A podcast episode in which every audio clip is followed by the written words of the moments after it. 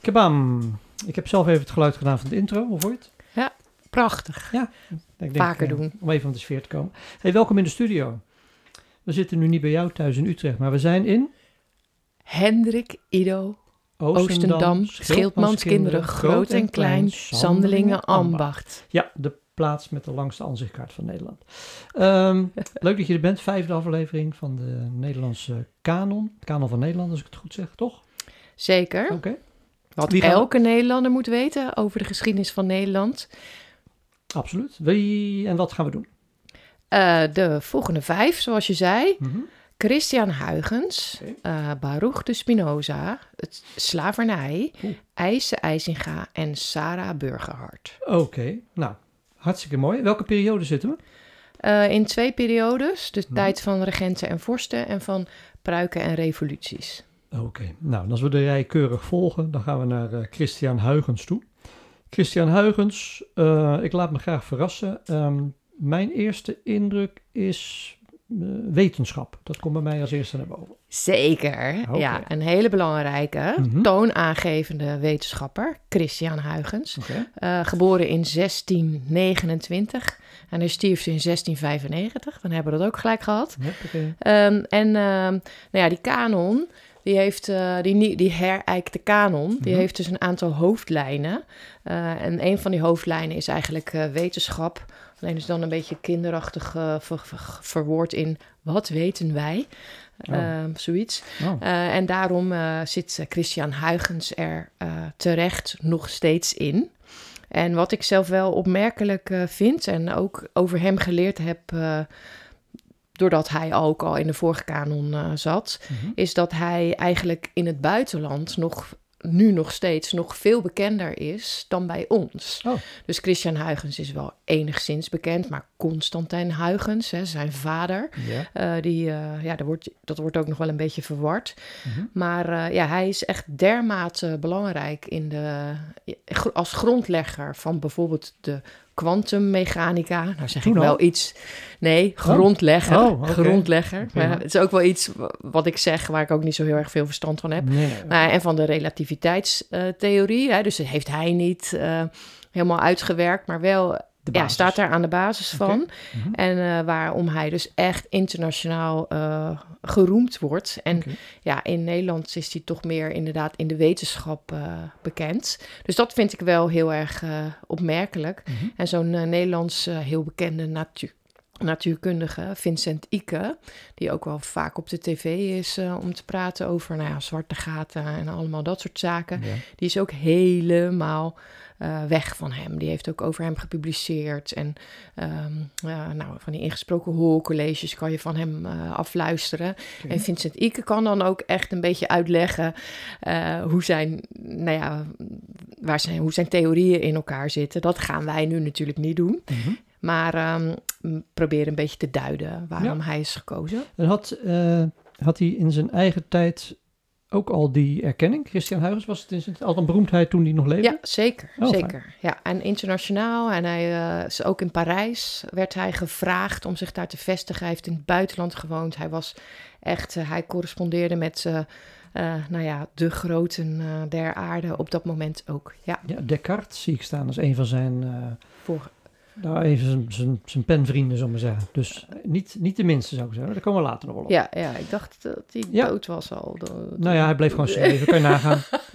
Nee, maar staat... Nee, maar wel, ja, nee, je hebt misschien wel gelijk. Nou, ik haal er een paar nee, altijd nee, door elkaar. Ja. De- Descartes baseert zijn denken eh, op het zelf experimenteren. Dat had hij er weer van Huygens. Ja, Dus hij heeft ja. grote invloed op vele mensen Ja. Klopt. zeker. Oké. Ja. Ehm, nou, hij komt uit, eh, ik, ik noemde net zijn vader al even. Hij komt echt uit een uh, gegoede familie. Dus Mhm. Constantijn Huygens, zijn vader was eh, diplomaat, belangrijk in de politiek van de republiek. Ja. Eh, en die eh, krijgt een aantal kinderen. Er zit nog een Constantijn bij, dus zijn oudste broer. Hm. En dan eh, Christian. Dus ja, hij heeft gewoon ook alles mee. En eh, om, voor een goede opvoeding en onderwijs. En hij is ook echt super slim. Dus hij kan al als hij negen is redeneren in het Latijn. Oh. Dus hij kan niet alleen lezen, maar eh, beheerst het ook eh, echt. Hij eh, Mhm. heeft een hele brede interesse en hij spreekt vele talen. Uh, en ja, hij houdt zich dus zowel bezig met wiskundige zaken, met meetkunde. Uh, maar ja, hij is dus ook nog heel talig. Dus prachtig, een genie, genie, sorry. Ja, ja. Een genie, we hebben het over het leger. Een genie, Ja, maar- uh, maar uh, die, die dat ook echt benut heeft en kon benutten. Want ja, uh, over geld hoefde hij zich geen zorgen te maken. Dat was er wel in de familie. En uiteindelijk krijgt hij natuurlijk ook betaald voor, omdat hij ook ja, in wetenschap gewoon aan het werk gaat. Mhm. Maar hij, um, ja, hij kan zich gewoon uh, ook uh, weken afzonderen om zich helemaal ergens op te storten. Hè? Dus zijn nog eens uh, wetenschappers in die tijd die hoeven zich niet bezig te houden met aanvragen van subsidies en zo. Oh ja, of social media. Ja, precies. Dus die met ja, iets wat hem dan fascineert. En um, ja, hij vindt waarnemingen doen, dus heel belangrijk. Mm -hmm. En ja, en daarvoor verbetert hij ook instrumenten. Dus hij verbetert telescopen um, die er al zijn. Die waren er al wel, maar um, hij maakt die nog beter. Uh, hij, doet, ja, hij gaat uh, dus de sterrenhemel bestuderen. Maar ook, ja, waarom komt er regen uit een wolk? Uh, waar bestaat een wolk dan uit? En dan zo gaat hij door, door, oh, door met een, allerlei... Ja, okay. alle, ja maar, je, maar niet alleen een denker. Mm -hmm. Juist ook gaat hij hands-on de dingen onderzoeken. Ja, okay. Dus hij is echt ook juist van de waarnemingen. En dat is denk ik... Uh, wat hem dus ook tot een ja, belangrijke persoon in de wetenschap maakt. Dus het is niet alleen maar. Um, wat, dat is sowieso nieuw. Mm -hmm. hè? Dus het is niet langer wat in de Bijbel staat. Dat is uh, waar. Oh, okay. hè? Dus we gaan zelf op onderzoek uit. En dan uitgaan van. Um, ja, natuurverschijnselen bestuderen. En niet langer ja, zoals dat beschreven is in de oude geschriften. Ik zie zelfs dat hij de ontdekking gedaan heeft van de ring om de planeet Saturnus. Dat is een hele bijzondere ontdekking.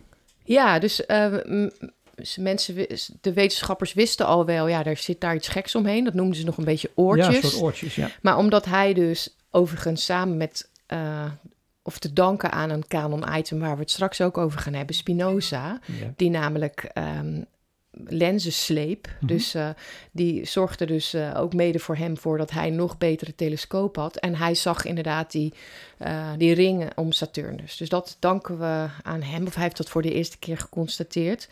Maar dus, dus ja, heel mooi. Hè? Dus en zorgen dat je het beter kunt zien. En dan ook nog eens ja, doorgaan uh, denken wat, wat het oplevert. En dan inderdaad wat, wat dat kan zijn, die ringen om Saturnus. Ja, ik zie nu trouwens dat die Spinoza, dat is iemand waarmee hij correspondeerde. Ik zei Descartes, maar het was Spinoza. Vaak zie je in de combinatie met uh, zijn naam is de uitvinding van het, uh, het slingeruurwerk. Een nauwkeurig instrument voor tijdmeting. Was dat nou echt zo belangrijk dat hij dat heeft bedacht? Een nauwkeurig uh, instrument voor tijdmeting. Ja. Ja, je zou zeggen, nou, had he was helemaal niet nodig geweest. Nee. Altijd maar op tijd komen. Ja, ja. Bedankt, nee, zit Christ wat in. Bedankt, ja. Christian. ja. Hmm. Hmm. Maar in ieder geval, Ja. daar, wordt hier veel om ge, daar wordt veel over geschreven. Dat dat een hele belangrijke uitvinding van hem is geweest. Ja, ja. En dus is het mooi dat hij echt ook dingen heeft gemaakt. Dus dat is ook een stoommachine, maar ook allerlei theorieën uh, heeft opgesteld en ook wel geprobeerd heeft die te toetsen. Maar ook het proberen te begrijpen van natuurverschijnselen. Dus, uh, en ook door dat vanuit een theorie te beredeneren. Dat deed hij ook. Dus je, je kunt natuurlijk ook niet alles. Je kunt niet in een wolk kruipen. Nee. Dus dan moet je proberen te bedenken, ja, wat gebeurt daar dan allemaal? Dus dat, dat deed hij ook. En um, uh, nou ja, allerlei principes over, over golven, over uh, middelpuntvliedende kracht, dat soort zaken uh, die we allemaal bij de natuurkunde op de middelbare school hebben geleerd. Daar, nou, dat is, daar heeft hij de basis voor gelegd. En wat, wat, ja, het is moeilijk te duiden wat we nu nog terugvinden van Christian Huygens, maar sowieso aan uh, standbeelden, universiteiten, musea? Ja, er zijn heel veel uh, ja, scholen en zo naar hem genoemd, straatnamen, maar er is ook een belangrijke Christian Huygens uh, prijs. Oh. Uh, en nou ja, ook dus wat ik al zei, hè, in het buitenland ook, ook bekend zijn erfgoed, denk ik. Hè? Ja. Zijn, zijn, nou ja, als je dat. Je, je vraagt nu een beetje naar fysieke overblijfselen, Nou, maar het is denk ik ook echt zijn. Wat eh, hadden we nu mijn- bijvoorbeeld zonder Christian bijvoorbeeld nog niet gehad? Wat was er dan veel later gekomen? Ja, dan ga ik een beetje napraten, want ik, ik weet het zelf natuurlijk niet precies hoe dit zit. Maar dus die kwantummechanica Ja. en die relativiteitstheorie. Maar ik denk ook echt gewoon het eh, werken vanuit waarnemen en Mhm. het proberen zaken te begrijpen. Dus ja, nieuwsgierigheid natuurlijk als basis, dat is heel erg mooi. Maar dan nog een stukje verder gaan. Oké. Eh, Eh, zijn er nog andere wetenswaardigheden of plekken die eh, Christian Huygens de moeite waard maken om te bezoeken? Nou, zeker. Eh, zijn vader, Constantijn Huygens, heeft ehm, eh, bij Voorburg een buitenhuis gebouwd. Eh, en daar ging eh, Christian uiteindelijk eh, permanent wonen. Dat ligt vlak naast het station Voorburg nu. En Christian voegde daar bijvoorbeeld ook een, planet, een sterrenwacht op het dak aan toe. En dan kun je, ja, je kunt daar dus van alles over hem horen. En ook een deel van de collectie van het museum Boerhaven in Leiden. Daar, daar kun je echt zijn instrumenten nog zien die hij zelf gemaakt heeft en die hij gebruikt heeft. Dus dat is ook wel heel mooi. Oké. Ehm, als ik zeg, als je wilt dat het heden anders is dan het verleden, bestudeer dan het verleden. Wie zou dat volgens jou gezegd kunnen hebben? Ronde Bruin, Oké, wie was dat? Ons grote vriend. Een hele en groot eh, voorbeeld. ro- roerganger. Ja. Eh, ja, Wie nog meer? nou ik denk dat je doet op ons volgende kanon-item. Zeker. Baruch de Spinoza. Ja. Eh, een tijdgenoot dus van Christian Huygens. Eh, hij leefde van 1632. Hij werd wel minder oud dan eh, Huygens. Namelijk in 1677 eh, overleed hij al. Hij was ook een wetenschapper. Dus ook in het kader van hoe weten wij dat. Mhm. Eh, maar dan meer een filosoof. Ja, maar ik zie ook wel staan, Spinoza ondervond veel weerstand op zijn gedachtegoed, want hij vindt dat de natuur en alles wat bestaat een verschijning van God is, inclusief de mens zelf. En dat was in die tijd kennelijk een beetje een, eh, een andere visie. Ja, echt een filosoof toch? Zeker, ondanks het feit dat in zijn tijd was het een beetje discutabel, omdat hij vond Ah, een dat beetje. de ja. natuur en alles Ja. wat bestaat een verschijning van God is, dus ook de mens zelf. Maar goed, als filosoof heb je daar natuurlijk een hele interessante visie op, toch? Nou ja, ja, zeker. Dat had hij zeker. Maar voordat we hem... ehm, hij, was, ehm, hij heeft zelfs dat... eh, Zijn belangrijkste werk is pas postuum gepubliceerd. Hij durfde dat zelfs niet eens te doen Oh, tijdens zijn leven. Dus, maar misschien moeten we daar even beginnen. Geboren in eh, Amsterdam, Mhm. eh, in een Joods eh, familie. Dus Portugese Jo- Joden, dus dat kon je een beetje horen ook aan zijn naam. Ehm, en hij, nou ja, ook een gegoede familie. Op, op vrij jonge leeftijd werd hij verstoten uit de Joodse gemeenschap. Oh. En ook door zijn eigen familie, vanwege zaken die hij eh, schreef. Dus die ook tegen de Torah ingingen. Hè? Dus eh, zeg maar, eh, dat zijn nog steeds de eerste Bijbelboeken Mhm. ook. Dus dat, ehm, ehm, ja, toen, toen stond hij er opeens alleen voor. En toen verhuisde hij eerst naar Rijnsburg en daarna naar Den Haag. En wat toch wel een interessant weetje is, wat ik eh, tegenkwam toen ik me aan het inlezen was over Spinoza, Mhm. is dat die ban, die echt maar te- die tegen hem toen is uitgesproken, eh, dat die is er nog steeds. Oh. Dus die Portugees-Joodse gemeenschap heeft dat toen gedaan. En die, die eh, gemeenschap die bestaat nog steeds in Amsterdam. Mhm. En hebben ze in de eind 20e eeuw gevraagd: joh, kan dat niet eens eh, worden opgeheven? Toen hebben ze zich er weer over gebogen. En toen hebben ze dus zelfs nu in deze tijd gezegd: Het blijft zo. het Ja? blijft zo. Nou ja. ja, ja on- onvoorstelbaar, echt, hè? eh, Nee. Dus maar goed, eh, omdat dat toch echt ingaat tegen, nou ja, de, eh, de ware leer, denk ik dan. Ja. Maar goed, dus dat vond ik wel echt dat ik dacht, wow, dat, dat gaat dus nog steeds door. Dat soort eh, discussies over het geloof. Nou, die slingerde hij echt wel aan. Hij is net zoals Christian Huygens, eh, was hij, is hij zijn hele leven vrijgezel gebleven. Hij kon zich ook helemaal richten op, eh, de, op zijn studie. Ehm, en ja, beet zich soms ook echt wekenlang ergens in vast. Maar hij had geen- Hij, hij hij- heeft samengewerkt met Christian Huygens, toch? Ja, ja, precies. Ja, dus hij sleept die, want Ja. dat wou ik nu zeggen. Want hij, moest, hij had dus niet meer zijn rijke familie achter zich. Hij moest dus wel in zijn bestaan eh, voorzien. Ja. Eh, en hij sleept daarom dus brillenglazen. eh, onder andere. Dus hij kon heel goed ehm, glazen slijpen. Ja. En ook voor dus de, de telescoop ehm, glazen heet dat ook dan, denk ja, ik. Hè? lens. Ja. Voor, ja, voor, ja Mhm. lenzen en Mhm. voor microscopen en zo. Dus eh, zij eh, ontmoeten elkaar ook. En zullen vast ook wel een stevig eh, gesprek eh, hebben gevoerd, denk ik. Ik denk. Ehm, diepgaand. Eh, maar ja hij, hij, ja, hij moest dus in zijn eigen inkomen voorzien. En ondertussen schreef hij en publiceerde hij. En voor een deel deed, deed hij dat ook anoniem. Maar hij was, wel, eh, ja, hij was wel echt bekend en hij correspondeerde, net als dat ze allemaal deden, met allerlei andere wetenschappers eh, eh, ja, in heel de westerse wereld. Mhm. En ja, wat ook echt wel opmerkelijk is, vind ik, aan Spinoza, is hij wordt echt nog steeds bestudeerd. Er zijn nu in onze tijd ook allemaal Spinoza-genootschappen. Er worden boeken nog steeds uitgegeven. Hoe kun je, nou ja, om Spinoza te proberen te begrijpen. Hij schrijft over wanneer, wat is geluk, wanneer is het leven volmaakt. Eh, dus dat, dat is nog steeds heel erg veel van die ja, denkers die zijn, ja, die waren toen wel belangrijk, maar daar gaat het helemaal niet over. Maar die Descartes, die jij net noemde, Mhm. bijvoorbeeld, is nog wel iemand die nog steeds wordt genoemd. En Spinoza ook. Hè? Of, of, of net als Archimedes, waar hij eigenlijk, hij pakte eigenlijk dezelfde vragen op als Archimedes in de oudheid eh, deed. Dus dat is wel echt eh, heel bijzonder. Vooral omdat ook zijn werk, wat dus postuum is uitgegeven, het eh, belangrijkste, Ethica heet Ja, dat, mhm. dus in 1677 uitgegeven. Dat is, schijnt echt heel erg moeilijk te lezen zijn. Heel, dus je denkt filosoferen en over Mhm. wat is geluk en eh, hoe zie je de natuur. Maar dat heeft hij dus heel eh, exact en wiskundig eh, geformuleerd. Dus ook met meetkunde en alles erin. Dus dat maakt het wel echt moeilijk om, om nu eventjes te lezen. Maar er worden dus heel veel boeken uitgegeven waarin zijn ideeën worden geduid. En ik, ik heb daar ook zo'n boekje van gelezen. En dan is het echt wel heel interessant hoe hij overal steeds over heeft nagedacht. En dat je dan net denkt, aha, maar nu heb ik je toch. En dan, nee hoor, dan heeft hij eh, Toch het daar toch Ja. ook weer iets goeds voor bedacht. In Ja. het boek heeft hij ook het laatste woord. Hij geeft aan, het is helemaal niet erg dat dit moeilijk is om te lezen.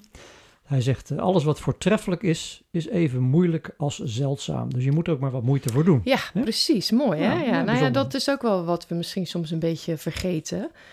Ehm, Wat Ja. ook wel sneu is eigenlijk, is dat hij, eh, dat werk wat hij gedaan heeft als eh lenzenslijper, dat dat eh, ja. erg slecht voor zijn gezondheid bleek te Mm, ja, zijn. Ja, Glasvezel binnengekregen, glasscherfjes, dat soort dingen. ja, dus daardoor werd hij, moest hij steeds meer hoesten en proesten. En is hij op 44-jarige leeftijd al overleden, ja. Hmm. Ja.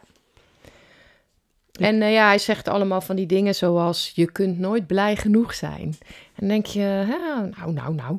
Maar als je dan, ja, hoe hij dan zo'n redenering opbouwt... Dat, ja, dat is echt heel erg knap. Ja. Houd, het houd het verdriet verre en richt je op het blijde. Nou, Oh, allemaal wel dingen waar mensen nu dus ook nog steeds eh houvast aan hebben. Ja, als je gewoon eh, googelt op eh, spreuken van Spinoza, kom je er heel wat tegen. ja. De geest wordt niettemin niet overwonnen door wapens, maar door liefde en vrijgevigheid. Nou, die kan hij ook eens laten lezen door die mensen die hem verbannen hebben. Hm? ja. En over spijt zegt hij, hij die berouw heeft over wat hij heeft gedaan, is tweemaal ellendig. ja. Ja, ik had er toch niets aan ja, veranderen. ja, precies. Ja. Echt, wel een, echt wel een filosoof. Ja. En iemand die begaan is bij eh, alles wat er om hem heen gebeurt. Ik eh, kom ook tegen dat hij behoorlijk van slag is ja. door eh, de, de lynchpartij van Johan de Wit. En, en zijn broer. En zijn ja. broer. Ja. En dat, hij, dat hij daar zo kwaad over wordt, dat hij, dat hij bepaald papier schrijft. Ultimi barbaroum, de ergste barbaren noemt hij ze. En, eh, Ja, die wil hij dan op gaan hangen. ja. Ja, En wat gebeurt Ja. er dan? Ja, nou ja, hij, wil, hij is zo boos inderdaad van over die... Nou ja, ze hebben hem echt gelyncht, hè. En eh, helemaal eh, opengesneden. Ja. Een, st- een staatsman en zijn broer. Mhm. Eh, ehm, en dan, ehm, ja, dan wordt hij echt door zijn, door zijn beste vrienden en zijn huisbaas tegengehouden. Doe dat nou niet. Nee. Want ja, waarschijnlijk eh, was hij er anders zelf ook eh, aangegaan. Want Ja. eh, het volk was toen, had bloed geroken. Mhm. Ja, dus ja, inderdaad. Dus hij was zeker ook, ja, had hij ook dit, ja, drijfveer wel voor Ja. Nou ja, rechtvaardigheid. Ja. Bijzondere man. Te- terecht in de kanon trouwens. Nou ja, ik vind zelf uh, voor de basisschool vind ik zo iemand als Spinoza wel heel erg uh, ingewikkeld. Mm -hmm. uh, hè, want ik ben natuurlijk Pabo-docent. Maar ja. je kunt wel naar aanleiding van zijn um, verhaal ja, met de kinderen filosoferen. Maar misschien niet over vragen als God is overal. Mm. Maar misschien wel over ja, hoe kun je zelf zo goed mogelijk leven. Of wat is goed leven. en ik denk zijn, ja, zijn levensverhaal spreekt natuurlijk gewoon sowieso aan. Hè? Dat hij is verstoten, hij heeft heel erg hard gewerkt, alles had hij over voor de wetenschap. En dat zijn boeken dus nog 200 jaar uh, verboden waren. Uh, dat is natuurlijk ook, hè, zo'n dapper individu die strijdt tegen de heersende klasse. Dat is natuurlijk echt wel een mooi verhaal. Mm -hmm. Dus hij streed zowel tegen religieuze leiders, zoals hè, die van het Jodendom, maar ook tegen de regenten van de Staten van Holland. Ja. Dus dat, dat, dat maakt het wel een mooi uh, verhaal.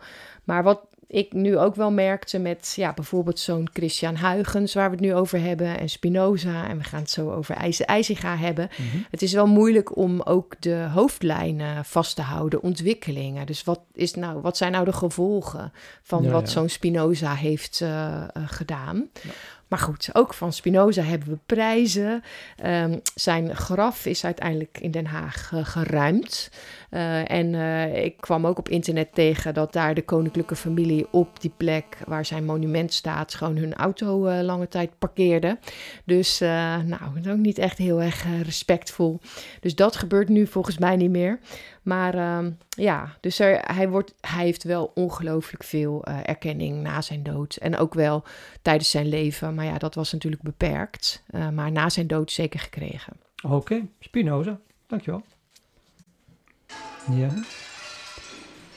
Het uh, derde onderwerp um, van deze vijfde aflevering. Veel over te doen. Veel over te doen. Slavernij. Ik denk dat ik jou maar gewoon uh, je gang laat gaan. Ik denk dat je aan 10 nou ja. minuten te weinig hebt. Ja, ik wou net zeggen, 10 ja. minuten is natuurlijk uh, heel erg onmogelijk. Ja. Nou is het wel enigszins beperkt in dit kanon-item, omdat het gaat over de slavernij waar de republiek bij betrokken was. Oh, tussen okay. 1637 en 1863. Tijd van regenten en vorsten, uit mijn hoofd gezegd. Uh, ja, ook. En uh, pruik en revoluties. En erg genoeg loopt het dus 1863 zelfs nog door tot de tijd van burgers en stoommachines. Ja, daar zijn we niet maar ja, op. slavernij is natuurlijk echt van alle tijden. Ja. Helaas. En uh, het bestaat nog steeds. En dat is denk ik ook waar, als je dit uh, bespreekt op school of uh, hiernaar luistert, je heel erg goed moet realiseren. Er, op dit moment, naar schatting, zijn er 15 miljoen mensen op de wereld die ook in onvrijheid arbeid verrichten zonder dat ze daarvoor betaald worden. Uh, dus um, ja, die, die als, een, als een voorwerp, een werktuig worden gezien. Dus dat, dat is echt iets wat zeker aan dit uh, onderwerp gekoppeld moet worden. Hoe het in deze tijd nog steeds um, gebeurt, maar ook het effect ervan. Dat okay. uh, westerse landen, zoals Nederland, het huidige Nederland, Engeland, Portugal, ja, die vooral die transatlantische slavernij hebben gearrangeerd. En ja, wat dat we de ongelijkheid in de wereld die er nu is, die is daar direct het uh, gevolg, gevolg van. van Oké. Okay. Um, nou goed, even in de, laat maar even de geschiedenis induiken. De slavernij, het is ergens, ze hebben erbij betrokken geraakt. Hoe is dat allemaal gebeurd? Uh, ja, nou ja, nogmaals, hè, het, in het oude Mesopotamië was er al slavernij. En de Romeinen, uh, die waren er ook uh, heel erg goed in. En die hebben het ook echt groots aangepakt. Hè? Dus het werken op plantages, dat werd bij de Romeinen ook al gedaan.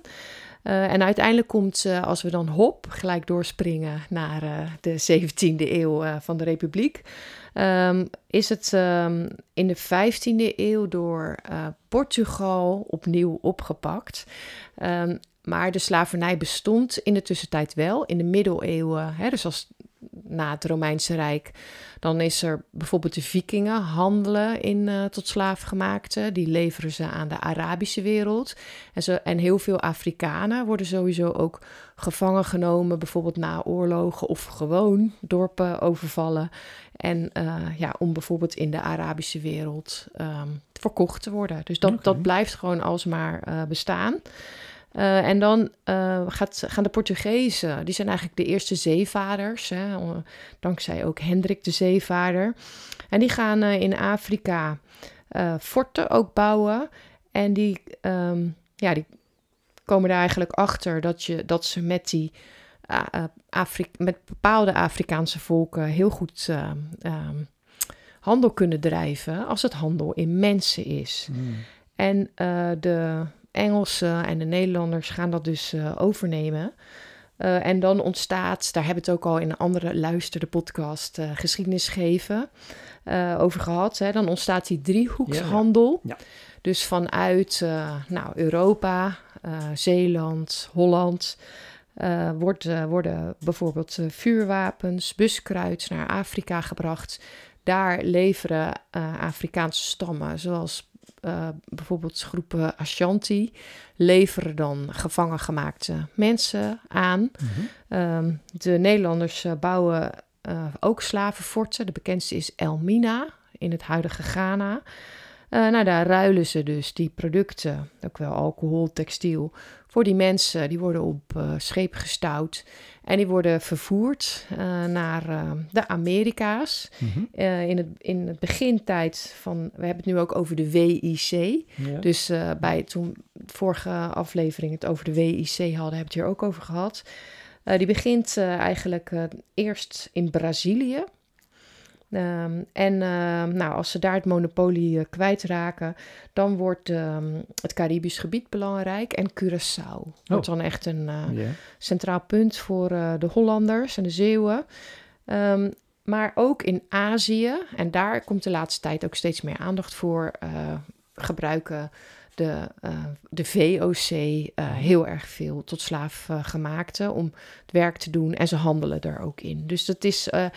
Nou ja, en het uh, opmerkelijk is natuurlijk dat het in Europa niet mag. En maar hier zien we het niet echt, hè? dus het is niet Oh. zichtbaar. Er komt wel heel, wordt wel heel veel geld mee verdiend. Mhm. Want die uh, uh, tot slaafgemaakte worden uh, verkocht in de Amerika's.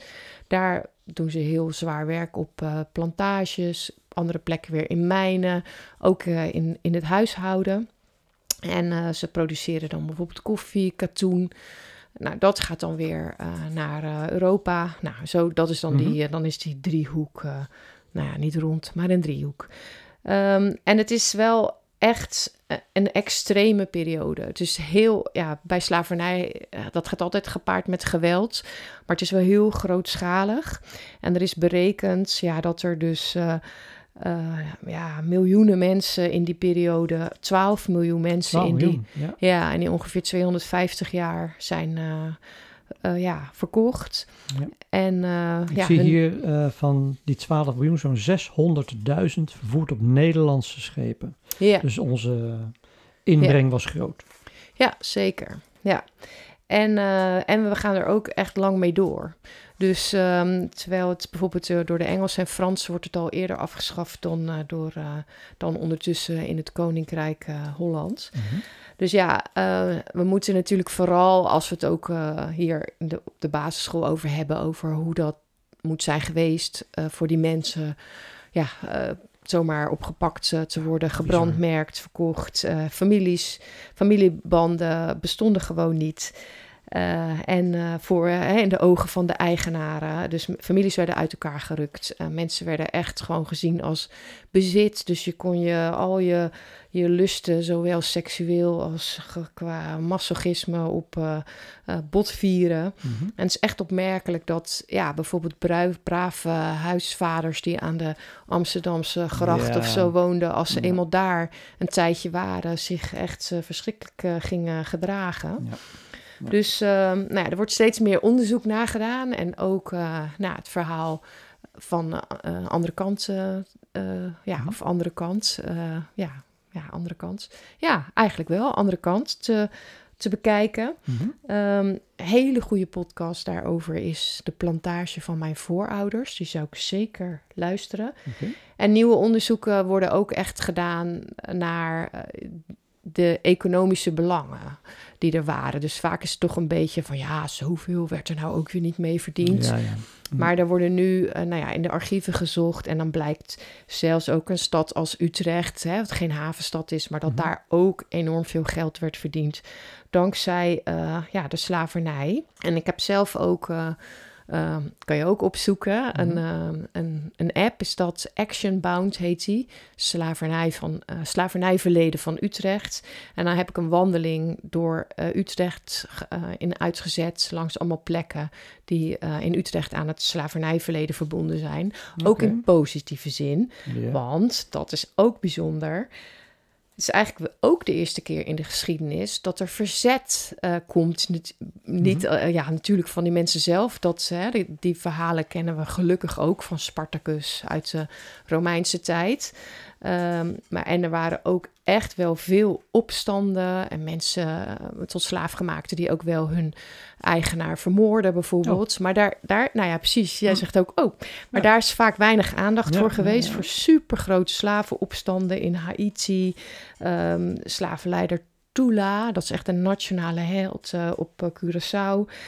In Suriname is het Boni. Ehm, dus daar is weinig aandacht voor. Maar ehm, nou ja, ook ehm, de, eh, dat er een tegenbeweging komt van mensen gewoon in Europa die het eigenlijk niet zien. En dat moeten we dan weer even doortrekken met dat verlichtingsdenken, Oh ja. waar we het over hadden met Huygens en Mhm. Spinoza. Dus vrijheid. Ja. Ehm, dus dat je niet eh, ja, mensen zomaar op die manier kunt eh, knechten, zeg maar. En dat heet het abolitionisme. Nou, luister ook naar de andere podcasts daarover. Eh, en ehm, ja, uiteindelijk, uiteindelijk wordt in ehm, Nederland dus pas in 1863 de slavernij afgeschaft op 1 juli. Katie Kotti. En eh, nou, ik denk Katie dat Kotti, dat herdenken we toch nog elk jaar dan? ja. Dat daar is nu eh, sprake van dat we dat toch maar eens een keer moeten gaan doen als een nationaal feest. Dus ik ben Ja, benieuwd. Dus afwachten hoe zich dat ontwikkelt. Maar het wordt wel een steeds belangrijker feest. Dus de, dat de ketenen verbroken zijn.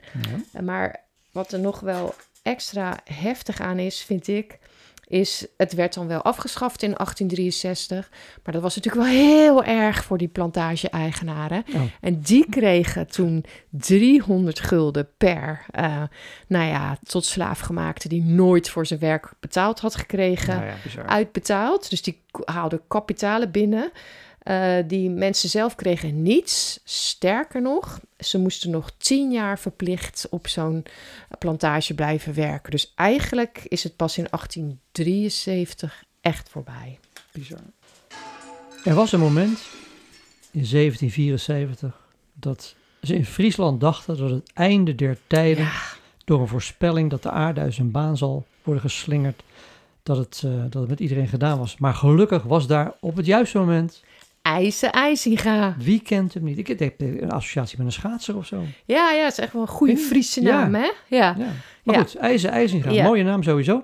Wat heeft hij voor ons eh, mogen betekenen? Eh, nou, hij ehm, eh, heeft eh, een planetarium gebouwd. En ja, daarom staat hij denk ik in de kanon. Hij Mhm. leefde van 1744 tot 1828. Mhm. Dus in de tijd van pruikenrevoluties, de 18e eeuw.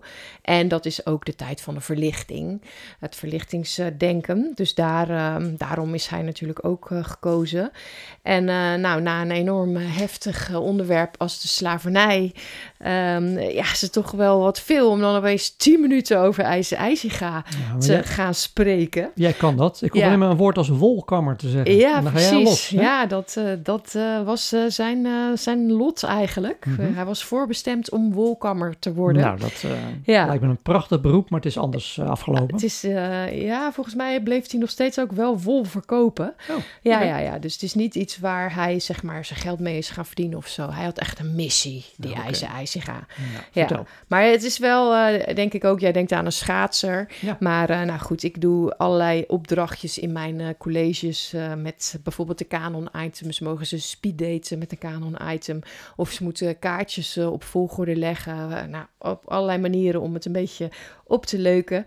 En ja, IJzer IJzinga, dat is altijd wel een beetje... eh, Oké, wie ben ik dan nu? Wie is Ja. IJzinga? Ja. Maar in Friesland denken ze daar denk ik wel anders over. Mhm. Daar, daar zal die beter bekend zijn. Maar eh, dit is wel een beetje, ja, ik denk een van de meest onbekende figuren nog steeds eh, uit, uit de kanon. Mhm. Ehm, nou ja, het is wel heel mooi dat we het vandaag dus ook over Huygens en, uh, of in deze aflevering, en Spinoza hebben. Want hij is echt, ja, dat verlichtingsdenken waar zij dus de basis voor hebben gelegd, ja, dat heeft hij geleefd, denk ik. Want ja, daar was inderdaad, uh, nou ja, die, die, die dominee. Uh, ik denk niet dat er straten naar hem genoemd zijn. Mm -hmm. Zijn voornaam was Eelco. Dus dat is voor mij dan wel een bekende naam. Mm -hmm. Eelco Alta. En die zei inderdaad, ja, de planeten gaan op de aarde botsen. Oh. En dan is, is het afgelopen met de wereld. Uh, en hij ging ja, eigenlijk aan de, aan de mensheid uh, laten zien dat dat niet zo was. Dus hij besloot toen, hij had dus een wolwinkel. Ja. Dus hij was uh, van vrij gewone afkomst. Mm -hmm. um, en um, om, um, om achter die winkel had hij nog een, zijn woonkamer volgens mij. Om daar aan het plafond nou ja, een planetarium, dus het hele planetenstelsel uh, te gaan bouwen. Mhm. Mm -hmm. En daar heeft hij nou, vast ook van de slingeruurwerk uh, oh. uh, basis van Van gebruik gemaakt. Want hij heeft echt een heel ingenieus allemaal... Elke planeet kreeg dus een ander aandrijfmechanisme. Hè? Want Mhm. ja, ehm, Saturnus eh, gaat nou eenmaal eh, lang, langzamer. Hè? Die doet er 29 jaar over. eh, Mercurius 88 dagen. Nou, de aarde natuurlijk een jaar. Dus daar heeft hij, had hij allemaal verschillende mechaniekjes voor. Na zeven jaar was het klaar. Zo dan. Dus, en konden mensen bij hem komen kijken. Eh, het nog? ja. Ja, Ja, Oh, dus het is het enige nog werkende planetarium. Oké, bijzonder. Eh, in de, of, of, of nee, nee, niet het enige nog werkende, maar zo oud, wat nog ja, werkt. ja, Dus het oudste nog werkende planetarium. Eh, hij, ehm, nou, Wolkammer was die, de, ja, dat, dat, ja hij, hij was dus inderdaad, zijn vader was Wolkammer, hij moest dat ook worden. Dus hij kon niet eh, studeren. Dus het was wel tijd van verlichtingsdenken. Dus hij kon niet naar de Latijnse school. Omdat?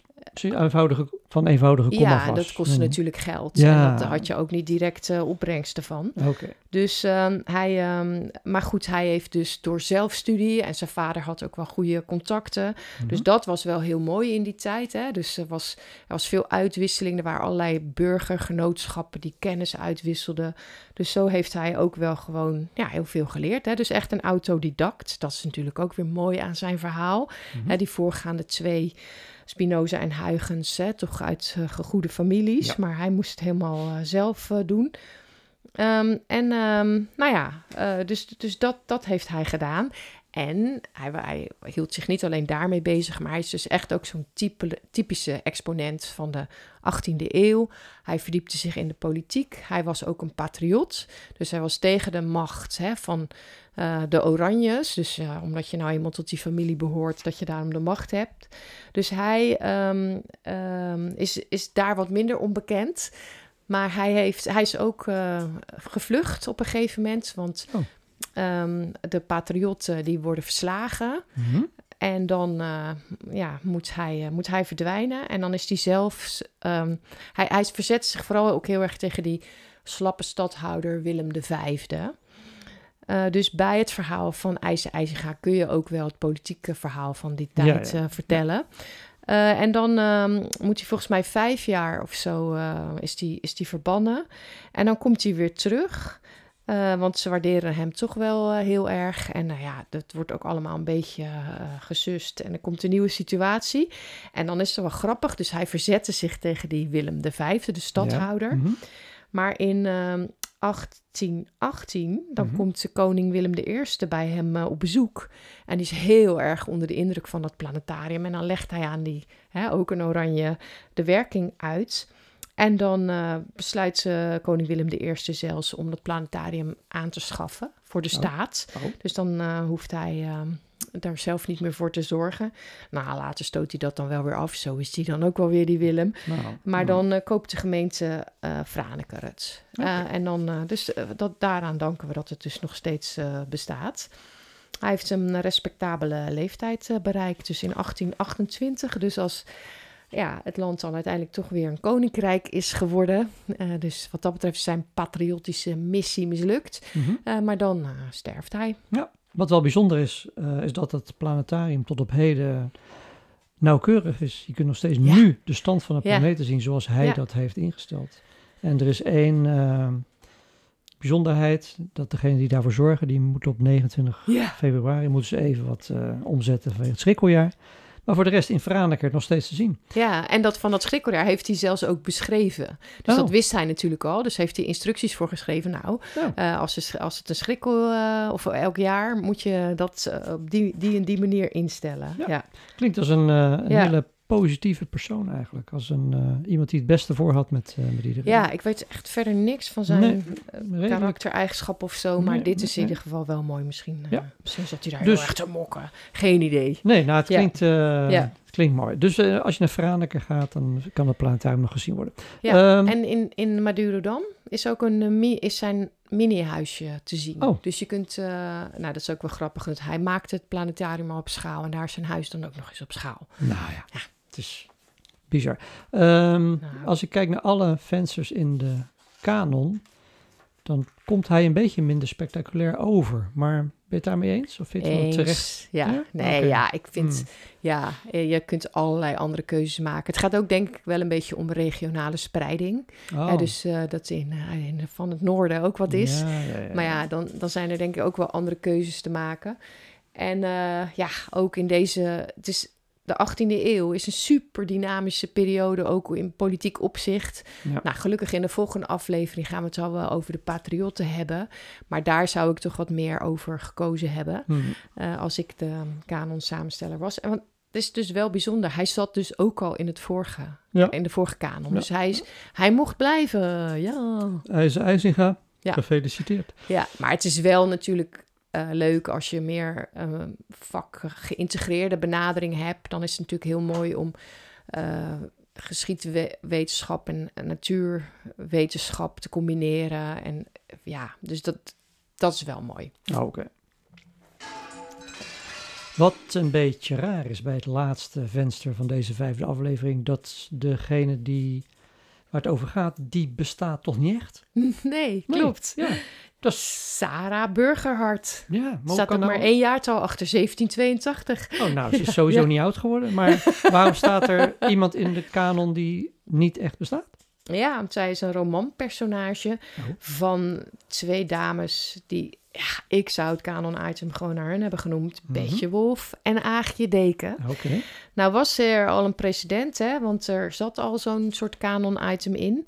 Namelijk ehm, eh, Max Havelaar. Dat is ook een romanpersonage. Oh ja, dat is waar. Dus eh, van de 19e eeuw. Ja. Dus, eh, maar ja, ik vind het ook heel bijzonder. Ja, waarom hebben ze nou niet gewoon Betje Wolf en Aagje Deken genomen? Ja, nou ja, ze heeft ongetwijfeld een belangrijke rol gespeeld, deze, deze Ah, dame. ja, ja. En Het boek misschien. het boek dan, hè? Ja. En, eh, vertel, wat, is er, eh, wat is er zo bijzonder aan eh, Sarah Burgerhart? Nou, het is sowieso een, eh, was het echt een bestseller in hun tijd. Hij is in Mhm. meerdere, meerdere keren herdrukt en ook was die internationaal bekend. Dus eh, die eh Betje Wolf en Aagje Deken, die waren ja, in, internationaal bekend. Dus vertaald in Duits, Frans, Engels geloof ik.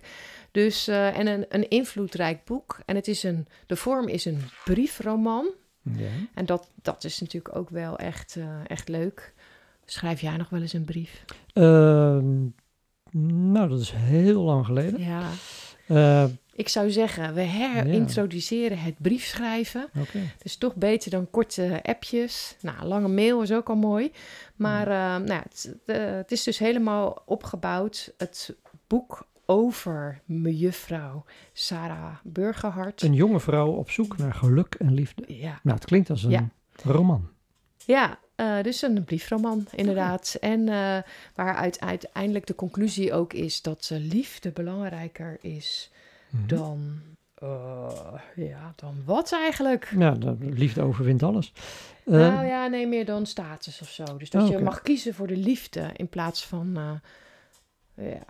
Oké. Uh, de Knip er maar uit, hè? Ja, we knippen. De, de schrijfsters, Betje Wolf, Aagje Ja. Deken. Nou, daar eh, hebben we natuurlijk al een keer een hele mooie podcast over gehad. Zeker. Gemaakt. Dus ik zou zeggen, luister die eh, nog een keer terug. Ik heb dat zelf ook nog weer even gedaan. En eh, nou, daar zit gewoon ontzettend veel in over het super interessante leven van die twee vrouwen. En eh, dan hoor je ook, en dan ga ik nu natuurlijk ook gewoon nog weer even vertellen, Mhm. dat er ook echt wel autobiografische elementen van de levens van Betje Wolf en Aagje Deken in die roman Sarah Burgerhart eh, terug te vinden zijn. Mhm. Dus als we het eerst even over het boek hebben. Ehm, het is dus een, een, eh, jonge, een jonge dame die verliefd wordt op een verkeerd eh, persoon. Ze gaat er dan vandoor. Mhm. Eh, met, een, eh, met een vaandrig die haar, ja, ze wordt ook zelfs nog min of meer aangerand in dat boek. Nou, Oh. dat, eh, dus allemaal, nou, dat was ook echt wel opmerkelijk dat daarover geschreven werd. Nou, uiteindelijk keert ze weer terug naar huis. Het was trouwens een jonge wees, deze Sarah Burgerhart, maar wel uit Burgerhart, hè, familie. ja. Ehm, en dan uiteindelijk eh, vindt ze nou ja, de liefde in een ander, die niet per se misschien een supergoeie partij voor haar is, maar wel echt de ultieme match.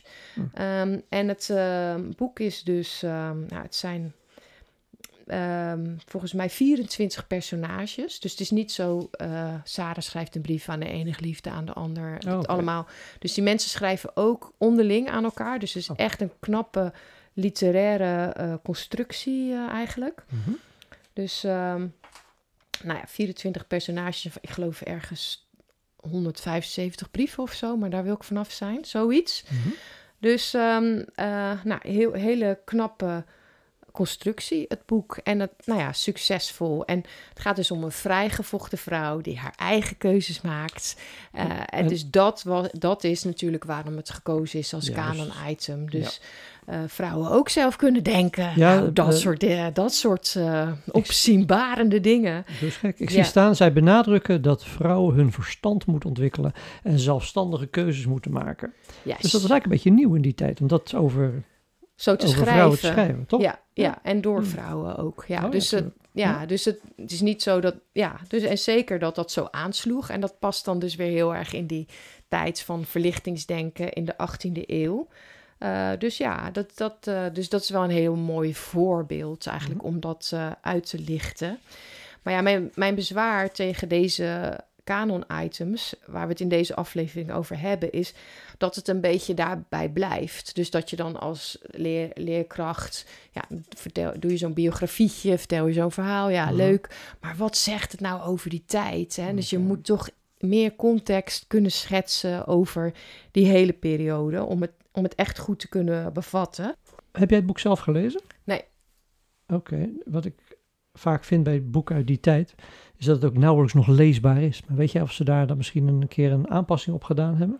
Ja, die zijn er zeker. Dus er zijn hertalingen. Mhm. En er zijn ook samenvattingen, bijvoorbeeld eh, dat het aantal brieven is teruggebracht.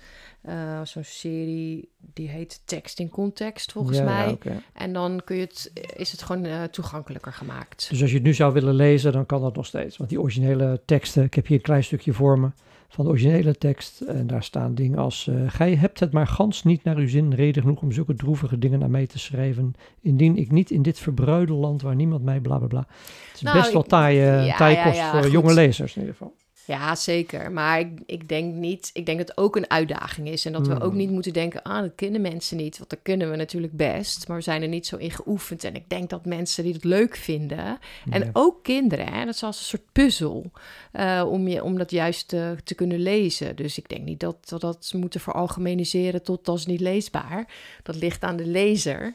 En sommige mensen eh, vinden dat prachtig Ja. om eh, dat, dat soort oud-Nederlands nog Ja. te lezen. Maar ja, Precies. als we het hebben over ontlezing, dan is het misschien niet eh, waar je in ieder geval middelbare scholieren mee eh, aan de slag moet laten gaan. Maar ja, je moet er wel even, wel moet even tijd in steken. Maar ik, is, ik eh, vind tegelijk ja. echt, hè, Mhm. dit is hartstikke oud. ja. En we snappen het wel gewoon. Dus dat is ook wel weer heel mooi, toch? Dus dat het uit de 18e eeuw is. En wij volgen deze mensen gewoon nog. Dus ja, het staat ook ergens wel weer best dichtbij. Dus plaats van het te zien als een hele grote kloof, kan je ook door dit te proberen te lezen. Ik heb het ook niet gedaan, hè? Mhm. Eh, maar juist een beetje daar dichterbij komen. Dus, nee, dat eh, klopt. Als maar als je het gewoon eh, lekker wil voorlezen op de basisschool, ja, dan niet natuurlijk.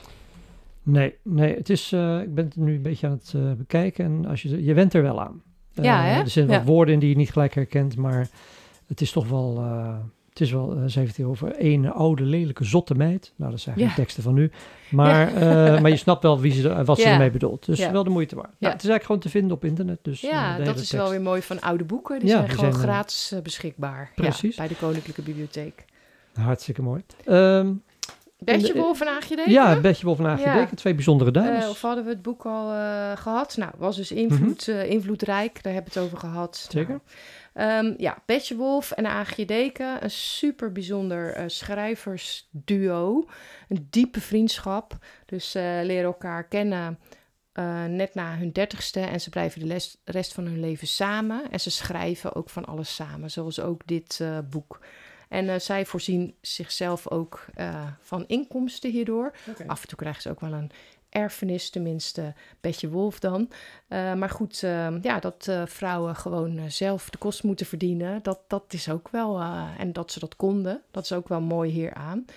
En Betje Wolf en Aagje Deken, die schrijven ook over van alles. Dus niet alleen over zelfstandigheid van vrouwen, maar ook eh, tegen slavernij. Mhm. En ook over de politiek. In de loop van hun leven gaan ze steeds meer over politiek ook schrijven.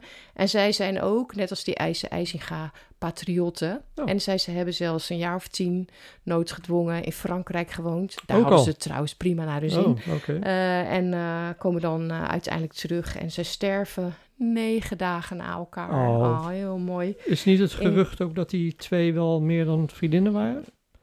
Ja, is jouw gerucht. Je zit gewoon eh, allemaal... eh, dat weten we niet. Oh. nou, ik heb het ergens Ze gelezen. Betje Wolf en Aagje Deken. Ze konden in ieder geval goed met elkaar vinden. Ja. En hoe dat verder zat, dat eh, gaan we nog wel eens eh, ooit nou, vind- komen. hoe interessant is dat? Nou, dat zegt iets over hun... Hebben we het bij Christian Huygens gehad over zijn seksleven bij Spinoza? Ik denk dat zij samen heel veel lenzen geslepen. ja, ik heb geen idee. Ja, nee, ja, goed. Nee, maar ehm, eh, dat is Ja. natuurlijk hoe wij er naar kijken in ons vanuit onze bril. Ja. Maar ehm, in ieder geval eh, een diepe vriendschap. juist. En er zijn vele vo- vormen van liefde. Absoluut, zeker. Ehm, je hebt nog een eh, paar seconden voor dit laatste venster van deze aflevering. Nou, vooral luister naar de podcast Stoere Vrouwen Oh ja. over en Aagje Deken. Dan heb, krijg je echt gewoon een heel uitgebreid verhaal over de prachtige leven en werk van deze twee stoere vrouwen. Oké. Dat was de vijfde aflevering uit de reeks. We gaan eh, de volgende keer verder met de Patriotten. Zijn al een aantal malen genoemd. Zeker. We gaan eh, Napoleon Bonaparte doen. Leuk. Wie kent hem niet? Ehm, Ja, die kent echt iedereen. Hè? Er wordt geloof ik elke dag nog steeds een boek over hem gepubliceerd. Dus, en dat gaan wij dan in 10 minuten doen. Ik bedoel maar. Was ik maar een klein mannetje, dus kon ik. Daar is, eh, gaan, we het ook over hebben. gaan we het ook over hebben. Koning Willem I, die kwam al te sprake. Die eh Ja. planetariumkoper. de eerste spoorlijn en de grondwet. Dus dat is voor de volgende keer. Yes. Oké, Merike, dankjewel. Ja.